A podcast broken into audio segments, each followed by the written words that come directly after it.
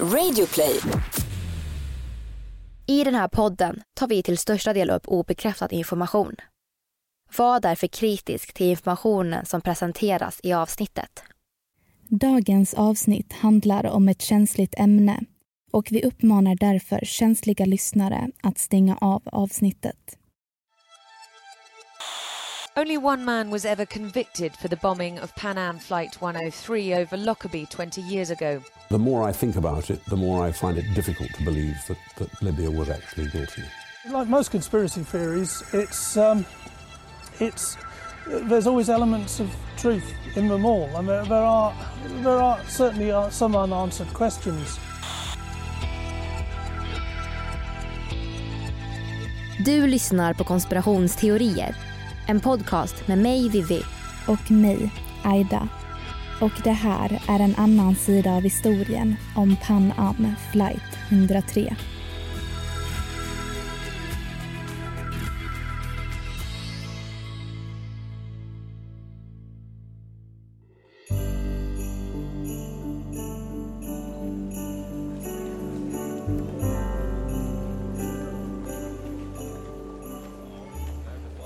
Det är den 21 december år 1988 och vintersolstånd. Det är den dagen på året som är allra kortast. Om bara några dagar kommer stora delar av världen fira julens högtid. Och många som av olika anledningar inte bor med sin familj reser nu hem med glädje och förväntan för att träffa dem. Och på Heathrow flygplats i London, Storbritannien, märks det tydligt. Människor av alla bakgrunder väntar ivrigt på att få stiga ombord och flygplan landar och lyfter med och från destinationer över hela världen. Det är så mycket jultrafik att Pan Am flight 103 som ska ta människor från Heathrow till New York i USA blir försenat. Ett passagerarflygplan av typen Boeing 747 står på tur att köra ut på startbanan och starta sin rutt. Flygets 243 passagerare hade tidigare samma dag anlänt till Heathrow från Frankfurt flygplats i Tyskland för att mellanlanda och byta flyg. Biljetten hade de köpt av flygbolaget Pan Am gällande en flygtur mellan Frankfurt och Detroit som marknadsfördes som Pan Am flight 103. Deras bagage lastas på långa band in i flygplanet och passagerarna slussas från gaten in till kabinen och spänner fast sig. Good evening, ladies and gentlemen. Welcome aboard.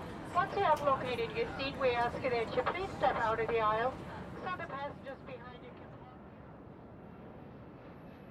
Motorerna startas och efter säkerhetsgenomgången klockan 18.25 lyfter flygplanet som också kallas Clipper Made of the Seas och påbörjar sin färd över Atlanten mot Detroit via New York.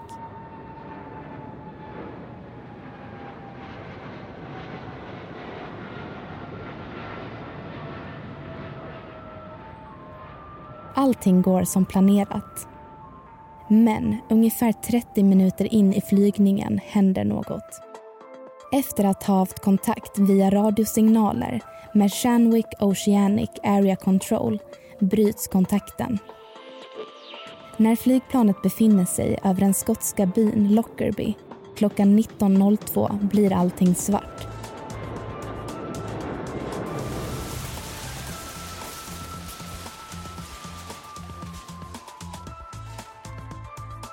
Vad hände med Pan Am flyg 103? Och vilka är det som egentligen ligger bakom attentatet? Det ska vi prata om idag när vi ska diskutera en konspirationsteori om Lockerbie-attentatet.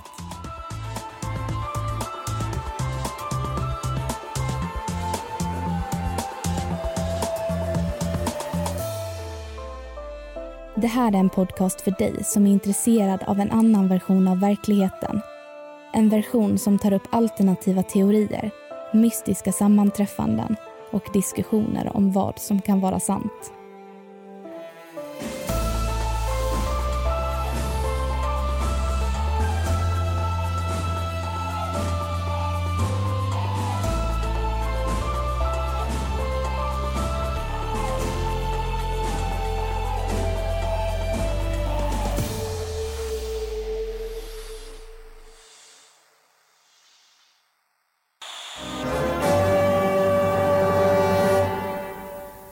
Good evening. Two hellish nightmares coming together in one terrible reality. That is the story of the Lockerbie disaster, of how death and destruction in the sky brought death and devastation on the ground below. In this special edition on the crash of Pan Am Flight 103, which has almost certainly cost the lives of more than 270 people, we examine the growing conviction that terrorist sabotage was the cause of the disaster.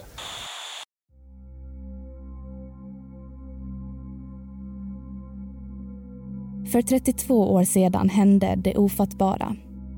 En av de största händelserna som inträffade på 80-talet. Det var ovanför den skotska byn Lockerbie som Pan Am-planet exploderade i luften och föll från himlen som färgades orange. Himlen fylldes av brinnande vrakdelar, plåt och bagage som regnade ner över samhället. På marken återfanns delar av den vita och blåa flygplanskroppen som stack upp ur asfalten. 270 personer omkom i attentatet från 21 olika länder. Tre personer ombord var svenskar och en av dem var diplomaten Bernt Karlsson. Dagen efter skulle han ha befunnit sig i New York på FNs högkvarter för att skriva under Namibias självständighetsförklaring. Men majoriteten av personerna på planet var amerikaner och det är främst gällande USA som teorin vi kommer lyfta för er idag handlar om. Av amerikanerna var ungefär ett 30-tal studenter som var på väg hem från skolan. Tyvärr kom ingen av passagerarna hem alla 259 personer i planet miste livet och även 11 personer på marken. Hela världen stod i chock. Terrorn hade tagit en ny vändning. En Boeing 747 faller inte bara ner till marken. Det är främst under start och landning som olyckor sker, inte mitt under flygningen. Att någonting hade hänt stod klart för utredarna direkt när de fick reda på att ett plan hade kraschat i Skottland. Var det en bomb? Var det sabotage? Berodde det på tekniska fel? Allmänheten fick inte veta någonting. Men hos utredarna var misstankarna om ett sprängattentat stora redan samma dag. Flygplansdelarna var utspridda över ett stort område flera mil från varandra som hade regnat ner från himlen och förstört många hus och bilar. Förödelsen i Lockerbie var enorm. Alla bagagevagnar som återfanns hade blivit skadade i kraschen. Alla utom en, som var helt sprängd i små bitar. Bland annat FBI, CIA, Scotland Yard och skotska polisen blev involverade i en multinationell, gigantisk polisutredning. Eftersom planet bestod av många amerikaner så ansåg FBI att de skulle leda utredningen. Men skotska polisen höll inte med. En månad in i utredningen stod det klart att orsaken till haveriet var en bomb som placerats ombord på planet inuti en kassettradio som i sin tur låg inuti en resväska. I resväskan återfanns också en ullcardigan, ett svart paraply och en kostym. Det handlade om terrorism och två män blev anklagade att ha utfört attentatet på order av libyska säkerhetstjänsten.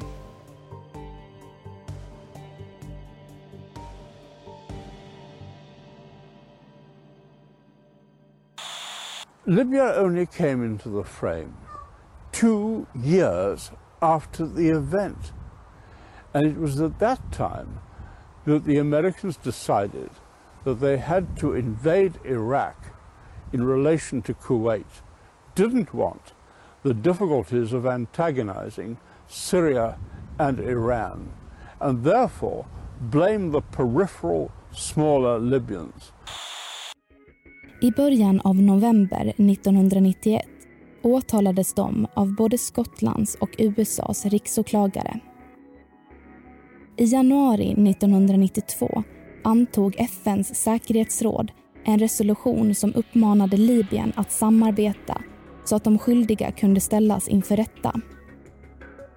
Samma år beslutade de om ekonomiska sanktioner mot Libyen eftersom deras regering inte hade visat avstånd mot terrorism eller besvarat de tidigare uppmaningarna om att samarbeta så de skyldiga kunde ställas inför rätta. År 1999 blev det rättegång i Nederländerna och processen tog hela nio månader.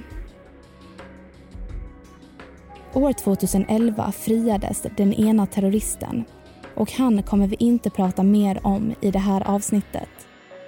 Den andra terroristen dömdes till livstidsfängelse men släpptes för att återvända till sitt hemland på grund av att han fick prostatacancer. Det är denna person som vi kommer prata om idag och benämna som terroristen. Det ansågs som ett humanitärt skäl att få åka hem. Because this was the scene, this video just in, this is Al Megrahi waving his arms at the top of the uh, flight of the stairs at the tarmac. There are thousands of people waving flags and celebrating in a scene of utter jubilation. Libyans consider this man a hero and believe that he was wrongly accused, wrongly convicted, even though a court of law convicted him for the Lockerbie bombing that killed so many people 270, and yet he is getting a hero's welcome in Libya. När han släpptes berättade han för Expressen att diktator Muammar Gaddafi beordrade honom till dådet. Och enligt tidningen The Sun var terroristen fortfarande vid liv 16 månader efter att han meddelat att han egentligen bara hade tre månader kvar i livet. Han dog år 2012 och fortsatte att hävda sin oskuld fram tills dess.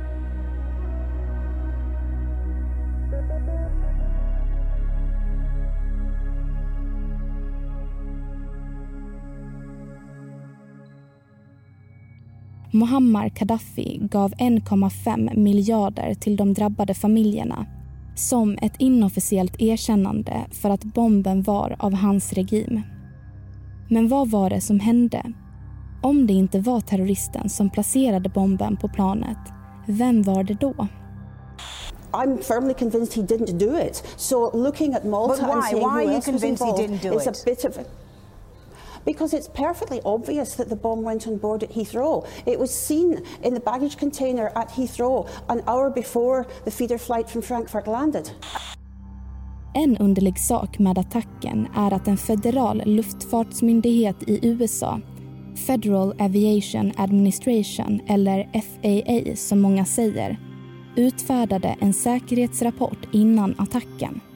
16 dagar innan den inträffade. En man med arabisk dialekt hade ringt den amerikanska ambassaden i Finland och meddelat att ett Pan Am-flyg från Frankfurt till USA skulle sprängas inom två veckor. Den amerikanska regeringen tog varningen på allvar och meddelade flera ambassader i världen och FAA skickade ut informationen till transportörer som Pan Am. Pan Am utlovade extra säkerhet för sina passagerare och anställda.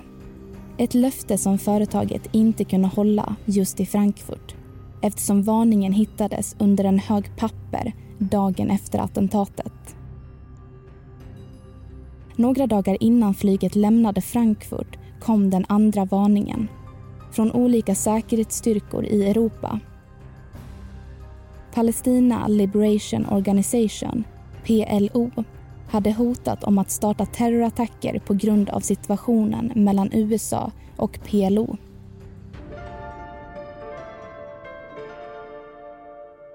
Efter attentatet gick det utför för Pan Am.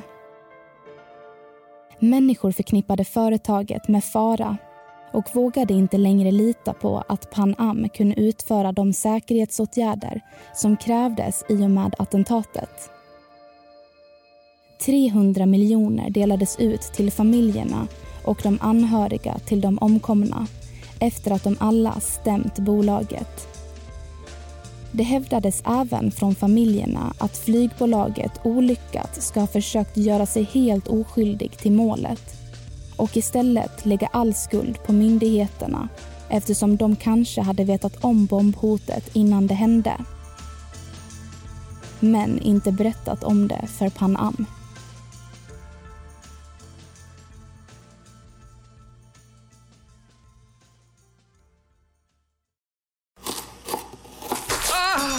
Dåliga vibrationer är att skära av sig tummen i köket. Ja! Bra vibrationer är att du har en tumme till och kan scrolla vidare. Alla abonnemang för 20 kronor i månaden i fyra månader. Vimla! Mobiloperatören med bra vibrationer.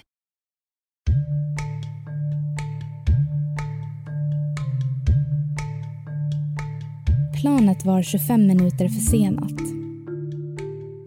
Än idag vet vi inte om det var planerat att bomben skulle sprängas där den gjorde, ovanför den skotska byn Lockerbie. Eller om det egentligen skulle ha sprängts när planet var ytterligare 25 minuter in i flygningen. Vilket i så fall hade varit ovanför havet. Hade den gjort det så hade vi inte vetat så mycket om flygningen som vi gör idag. Och precis som många andra stora och tragiska händelser skapas konspirationsteorier när människor är chockade och fundersamma. Teorier som hänger med flera år framöver och skapar stora misstankar. Teorier som på flera olika sätt försöker förklara varför just denna bombning ägde rum.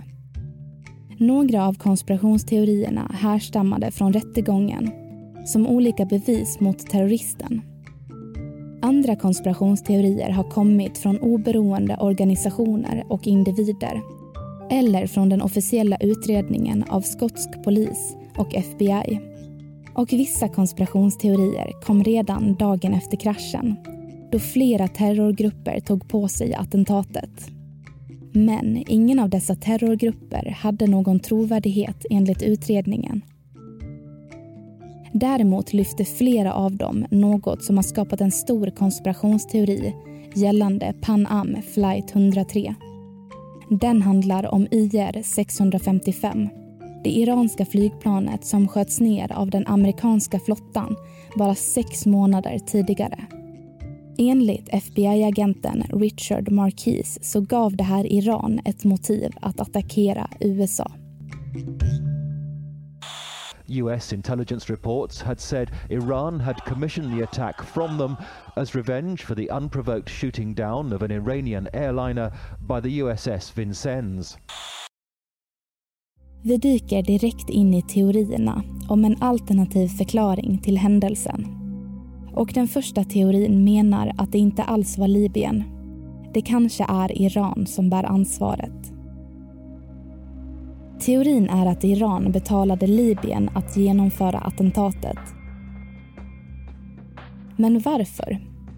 Jo, motivet skulle i så fall kunna vara en hämnd för att USA sköt ner det iranska planet Iran Air Flight 655 i juli 1988. Alltså bara några månader innan attentatet vid Lockerbie ägde rum.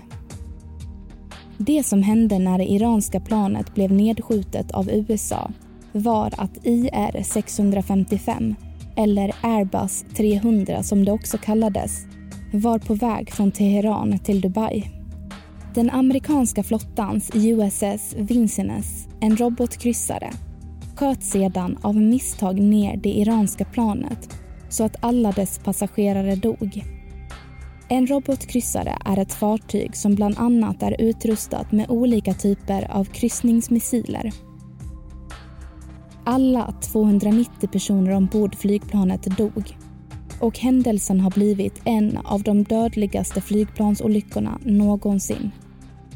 Så man kan definitivt säga att spänningen byggts upp mellan USA och Iran genom åren. Därför tror många att Iran ville hämnas USA och betalade Libyen att genomföra Lockerbie-attentatet.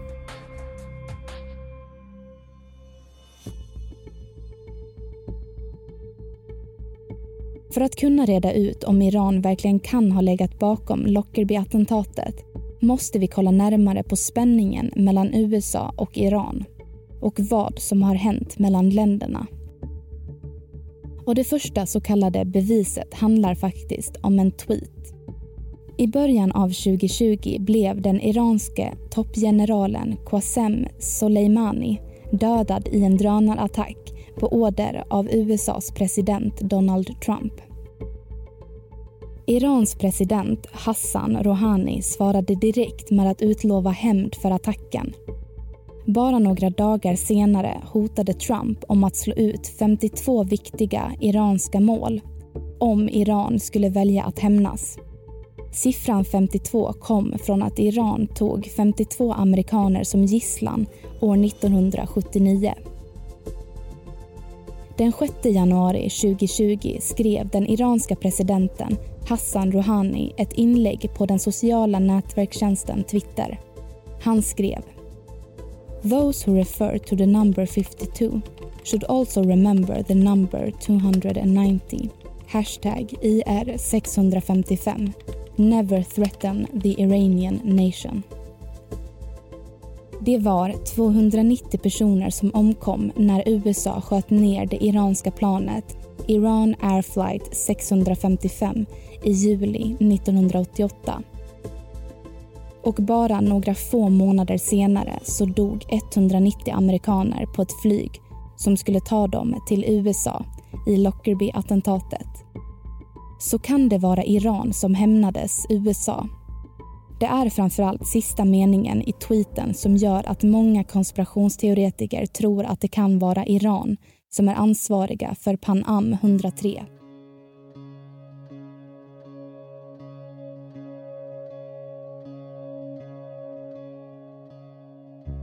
Never threaten the Iranian nation. Kan det vara president Rouhani som tar ansvar för Lockerbie-attentatet? Inledningsvis så fokuserade utredningen nämligen på att bomben var en delad plan från Iranian Revolutionary Guard Corps och Popular Front for the Liberation of Palestine General Command. Teorin är att de vill attackera USA som hämnd för USS Vincennes. Två månader innan Lockerbie-attentatet hade en liknande bomb påträffats i en bil i Frankfurt i Tyskland. Även denna bomb var gömd inuti en kassettradio med sprängämnen som liknade de som användes på Pan Am 103. Att PFLP-GC skulle kunna ha planer som involverade ett flyg är något som utredarna haft i åtanke. Speciellt eftersom Pan Am flight 103 startade från just Frankfurt innan det landade i Heathrow och fortsatte mot New York. För många konspirationsteoretiker verkar detta som en osannolik slump. Men då bombtekniken var annorlunda i de olika fallen så ansåg utredarna att teorin saknade trovärdighet. Pan Am flight 103 sprängdes genom en tidsinställd bomb och bomben i Frankfurt detonerade genom en höjdmätare. Utredarna drog istället slutsatsen att bomben fördes från Malta till Frankfurt. Och eftersom libyerna reser in och ut från Malta så riktades uppmärksamheten bort från PFLPGC och tillbaka till Libyen. Vi går tillbaka till väskan som bomben var placerad i. I väskan fanns en ullcardigan, ett svart paraply och en kostym. Kläderna kunde spåras till Malta och till Tony Gauchi som hade sålt kläderna till en man med libyskt utseende. Vid 23 olika tillfällen förhördes Gauchi men gav olika vittnesmål hela tiden. Terroristen hade varit i Malta den 7 december och då antog utredarna att det var då han köpte kläderna. Men det är inte säkert då Gauchi vittnat om att köpet inträffade en dag där det inte fungerar att det var terroristen. Det handlar bland annat om när julbelysningen tändes. Gauchi sa att lamporna inte var tända när den libyska mannen handlade av honom. Men lamporna tändes en dag innan. Gauchi hade även sett en bild av terroristen i en tidning som kopplade honom till bombningen. Det kan ha gjort att han dömdes trots att han var oskyldig. Speciellt eftersom ett annat vittne har informerat om att ett liknande köp inträffades en annan dag. Well, the reason why Mr McGrahy was convicted was that the investigators became absolutely convinced that the bomb had begun its journey at Malta, and it so happened that Mr McGrahy was catching a plane at Malta that morning at roughly the same time as the plane that they had come to believe carried the bomb had taken off. Den sista teorin vi kommer lyfta gällande Lockerbie-attentatet handlar om CIA. Journalisterna Paul Foot och John Ashton gjorde en utredning 1995. Det finns flera alternativa förklaringar till vad som inträffade den dagen Pan Am Flight 103 kraschade. En teori handlar om CIA och Operation Korea som handlar om droghandel. Enligt teorin så arbetade CIA-agenter med att tillåta syriska narkotikahandlare att föra in heroin i USA med Pan Ams flygningar. I utbyte skulle de få information om palestinska grupper som hölls gisslan i Syrien. CIA såg till att drogerna kom på planet och över Atlanten. Men den 21 december 1988 var det inte en väska med droger som kom på Pan Am flight 103. Det var en bomb istället. Väskan hade bytts ut. Många konspirationsteoretiker tror att CIA visste om att väskan kanske skulle riskeras att bytas ut men gjorde ingenting åt det eftersom det var en så hemlig operation. Samtidigt var de också oroliga eftersom några andra agenter hade fått reda på att detta inträffade och var under samma period på väg till Washington för att berätta för sina överordnade. Det har kommit fram nya påståenden från involverade personer som tyder på att CIA faktiskt arbetade med att låta droger fraktas via Pan Am. Som exempelvis att flera böcker och filmer producerats med större trovärdighet. Den person som kanske förde väskan ombord, som egentligen skulle innehålla droger, kanske var Khalid Jafar, en libanesisk-amerikansk passagerare som kanske arbetade på uppdrag av syriska narkotikahandlare.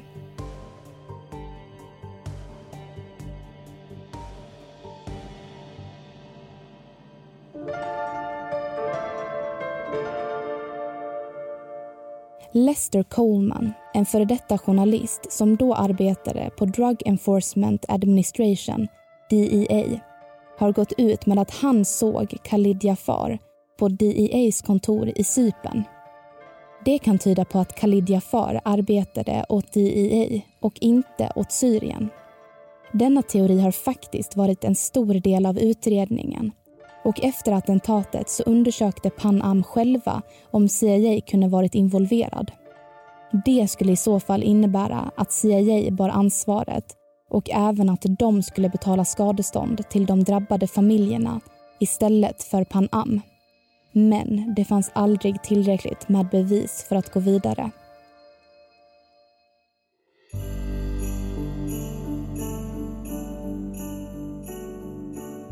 Det räcker att det finns en misstanke om att det inte var terroristen som placerade bomben på planet för att konspirationsteorier ska spridas. Kommer vi någonsin få veta hur bomben hamnade på planet? Kunde attentatet ha förhindrats? Vad tror du?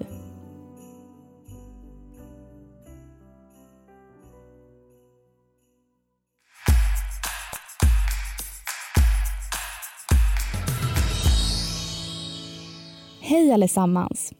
Det här var allt som vi hade att berätta för er idag om Pan Am flight 103 eller då Lockerbie-attentatet. Vi hoppas verkligen att ni gillade det här avsnittet och vill ni diskutera mer om ämnet så får ni jättegärna gå med i gruppen konspirationsteorier eftersnack på Facebook. För där kan ni prata med oss och andra poddlyssnare om vad ni tror och vad ni tycker. Sen hittar ni ju såklart även oss på Facebook under namnet konspirationsteorier och på Instagram under världens konspirationsteorier. Men nu får ni ha en fantastisk fredag och en fantastisk vecka. Så hörs vi igen nästa fredag med säsongens sista avsnitt om William Shakespeare och om det verkligen var han som skrev alla kända verk. Hej då!